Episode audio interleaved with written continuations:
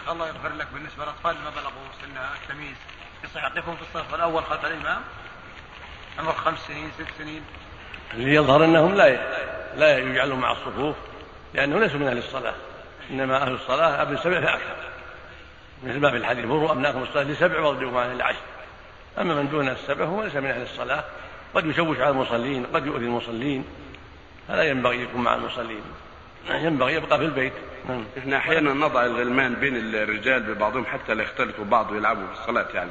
هذا هذا من العلاج هذا من أيوه. العلاج. إذا خيف من عبثهم أيوه. يكون بينهم رجل كل ما بين اثنين رجل حتى لا يعبث أيوه. نعم. هذا مبلغ المجاهدين.